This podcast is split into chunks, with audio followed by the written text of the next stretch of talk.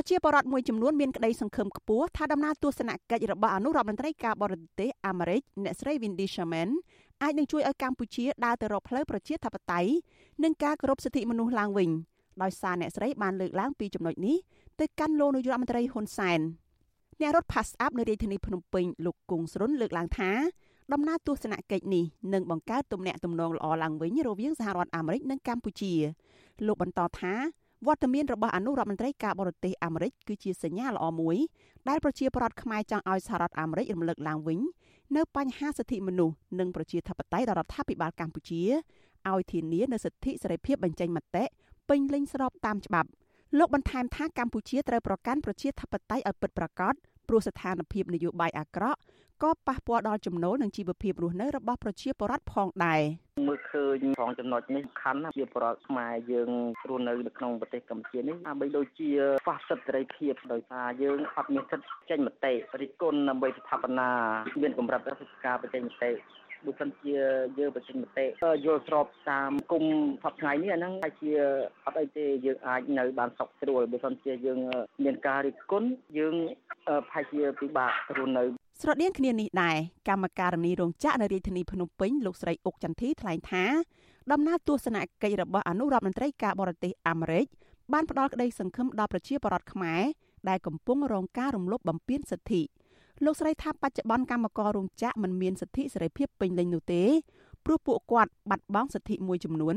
ដោយសារការកេងចំណេញពីថៅកែរោងចក្រដែលធ្វើឲ្យពួកគាត់បាត់បង់អត្ថប្រយោជន៍ពីការងារ ខណៈប្រាក់ឈ្នួលកម្មករទាបនិងមិនអាចធ្វើឲ្យកម្មកររស់នៅក្នុងជីវភាពសមរម្យបានទេលោកស្រីមើលឃើញថារដ្ឋាភិបាលមិនសូវយកចិត្តទុកដាក់ពីទុកលំបាកនិងសិទ្ធិរបស់កម្មករឡើយកម្មការនីរូបនេះសង្ឃឹមថាសំណើរបស់អនុរដ្ឋមន្ត្រីការបរទេសអាមេរិកនឹងធ្វើរដ្ឋាភិបាលកម្ពុជាគិតគូរឡើងវិញ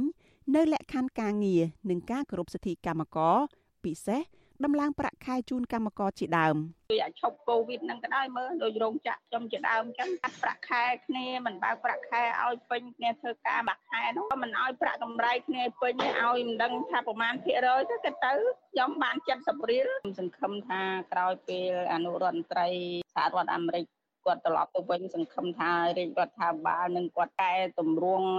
កម្មករនឹងឲ្យមានជីវភាពប្រសើរឡើងវិញដូចគ្នានេះដែរជាងថតរូបនៅខេត្តសៀមរាបលោកអ៊ីធាជឿជាក់ថា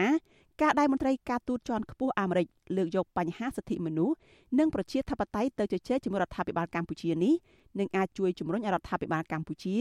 វិលត្រឡប់ទៅរកគោលការណ៍សិទ្ធិមនុស្សឡើងវិញ។ ការទស្សនកិច្ចរបស់គាត់ហ្នឹងជាការល្អព្រោះកន្លងមកយើងឃើញជាក់ស្ដែងមកកម្ពុជាយើងមិនធ្លាក់ដណ្ដាប់ខ្លាំងរឿងប្រជាធិបតេយ្យកាលណាបិទសិទ្ធិប្រជាពលរដ្ឋមានសិទ្ធិនិយាយស្ដីមានសិទ្ធិតវ៉ាមានសិទ្ធិទៅប៉ះពាល់ដល់ការអនុវត្តការងាររបស់រដ្ឋដែរជនក៏មានបញ្ហាទីអញ្ចឹងគាត់ហ៊ានទៅតវ៉ាគាត់មានអីពិបាកក្នុងទៅការដោះស្រាយឲ្យអាជ្ញាធរជួយក៏គាត់អត់មានសិទ្ធិនិយាយទេនិយាយអត់បានដែរនៅក្នុងជំនួបទ្វេភាគីជាមួយលោកនាយរដ្ឋមន្ត្រីហ៊ុនសែនកាលពីថ្ងៃទី1ខែមិថុនា អនុរដ្ឋមន្ត្រីការបរទេសអាមេរិក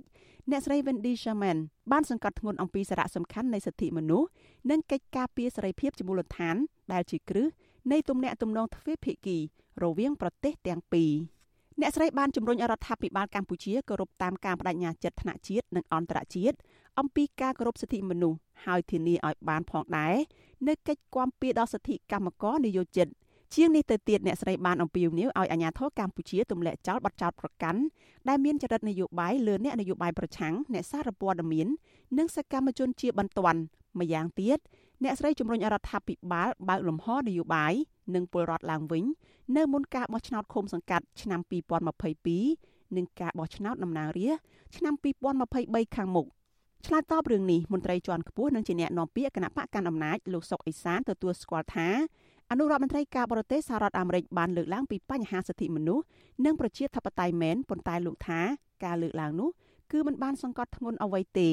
អានឹងសិទ្ធិមនុស្សដូចខ្ញុំជម្រាបទៅថាមានការសន្យាទៅវិញទៅមកយ៉ាងណាទេក៏ប៉ុន្តែគឺថាជាគោលការណ៍រាជរដ្ឋាភិបាលកម្ពុជាបានអនុវត្តត្រឹមត្រូវទៅតាមគោលការណ៍ដែលមានចែងនៅក្នុងកិច្ចព្រមព្រៀងសន្តិភាពទីក្រុងប៉ារីសដែលនៅក្នុងនេះសហរដ្ឋអាមេរិកក៏ជាសាក្សីមួយនៅក្នុងចំណោមប្រទេស18ដែរក៏អនុវត្តគោលការណ៍ដើរតាមគន្លងត្រូវនៃលទ្ធិប្រជាធិបតេយ្យនិងនីតិរដ្ឋក៏ដូចជាការគោរពសិទ្ធិមនុស្សហើយខ្ញុំយល់ថាមិនពិបាកអីនឹងកែលម្អនៅចំណុចអវិជ្ជមានឆោតមួយចំនួនតូចដែលជួបប្រទះនៅក្នុងការអនុវត្តជាក់ស្ដែងទេសហគមន៍អន្តរជាតិនិយមប្រជាធិបតេយ្យបានវាតម្លៃពីការធ្លាក់ចុះដុនដាបនៃការគ្រប់សិទ្ធិមនុស្សនៅកម្ពុជាបន្ទាប់ពីលោកហ៊ុនសែន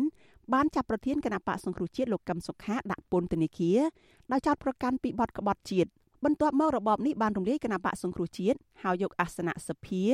និងក្រុមប្រឹក្សាឃុំសង្កាត់របស់បកនេះទៅចែកគ្នាកាន់កាប់និងបានហាម5អ្នកនយោបាយបកនេះចំនួន118នាក់ មិនឲ្យធ្វើសកម្មភាពនយោបាយរយៈពេល5ឆ្នាំជាងនេះទៅទៀតតុលាការរបបលោកហ៊ុនសែនបានចោទប្រកាន់សកម្មជនបកប្រឆាំងរាប់រយនាក់ដោយចោទប្រកាន់ពីបទញុះញង់និងរួមគំនិតក្បត់ក្នុងនោះពួកគេមួយចំនួនត្រូវចាប់ខ្លួនដាក់ពន្ធនាគារថែមទៀតទន្ទឹមនឹងការកំទេចដៃគូប្រជែងដ៏ធំរបស់ខ្លួននេះរបបក្រុងភ្នំពេញបានវាយបង្ក្រាបឥតស្រាកស្រានទៅលើក្រុមអង្គការសង្គមស៊ីវិលសហជីពនិងស្ថាប័នព័ត៌មានឯករាជ្យផងដែរជាពិសេស របបនេះបានរឹតបន្តឹងសិទ្ធិសេរីភាពជាមូលដ្ឋានរបស់ពលរដ្ឋទាំងនៅក្នុងសង្គមនិងនៅលើប្រព័ន្ធអ៊ីនធឺណិតនាយិកាមជ្ឈមណ្ឌលសិទ្ធិមនុស្សកម្ពុជាអ្នកស្រីចောက်សុភីបដែលបានជួបពិភាក្សាជាមួយអនុរដ្ឋមន្ត្រីការបរទេសអាមេរិកដែរនោះបានសរសេរនៅលើ Facebook ផ្ទាល់ខ្លួនថាភាគីពាក់ព័ន្ធក្នុងនោះក៏រួមទាំងសហរដ្ឋអាមេរិកផង គួរបន្តផ្ដល់នូវសារៈសំខាន់ដើម្បីកសាងសង្គមកម្ពុជាមួយដែលក្រៅពីគ្មានសង្គ្រាមហើយគឺមានការកសាងសន្តិភាពក្នុងនោះ រួមទាំងការធានានៅការបោះឆ្នោតដោយសេរីនិងយុត្តិធម៌និងការស្ដារឡើងវិញនូវស្ថានភាពសិទ្ធិមនុស្សជាពិសេសសិទ្ធិសេរីភាពជាមូលដ្ឋានរបស់ពលរដ្ឋនាងខ្ញុំសុជីវីវិទ្យុអាស៊ីសេរីប្រធានាធិបតី Washington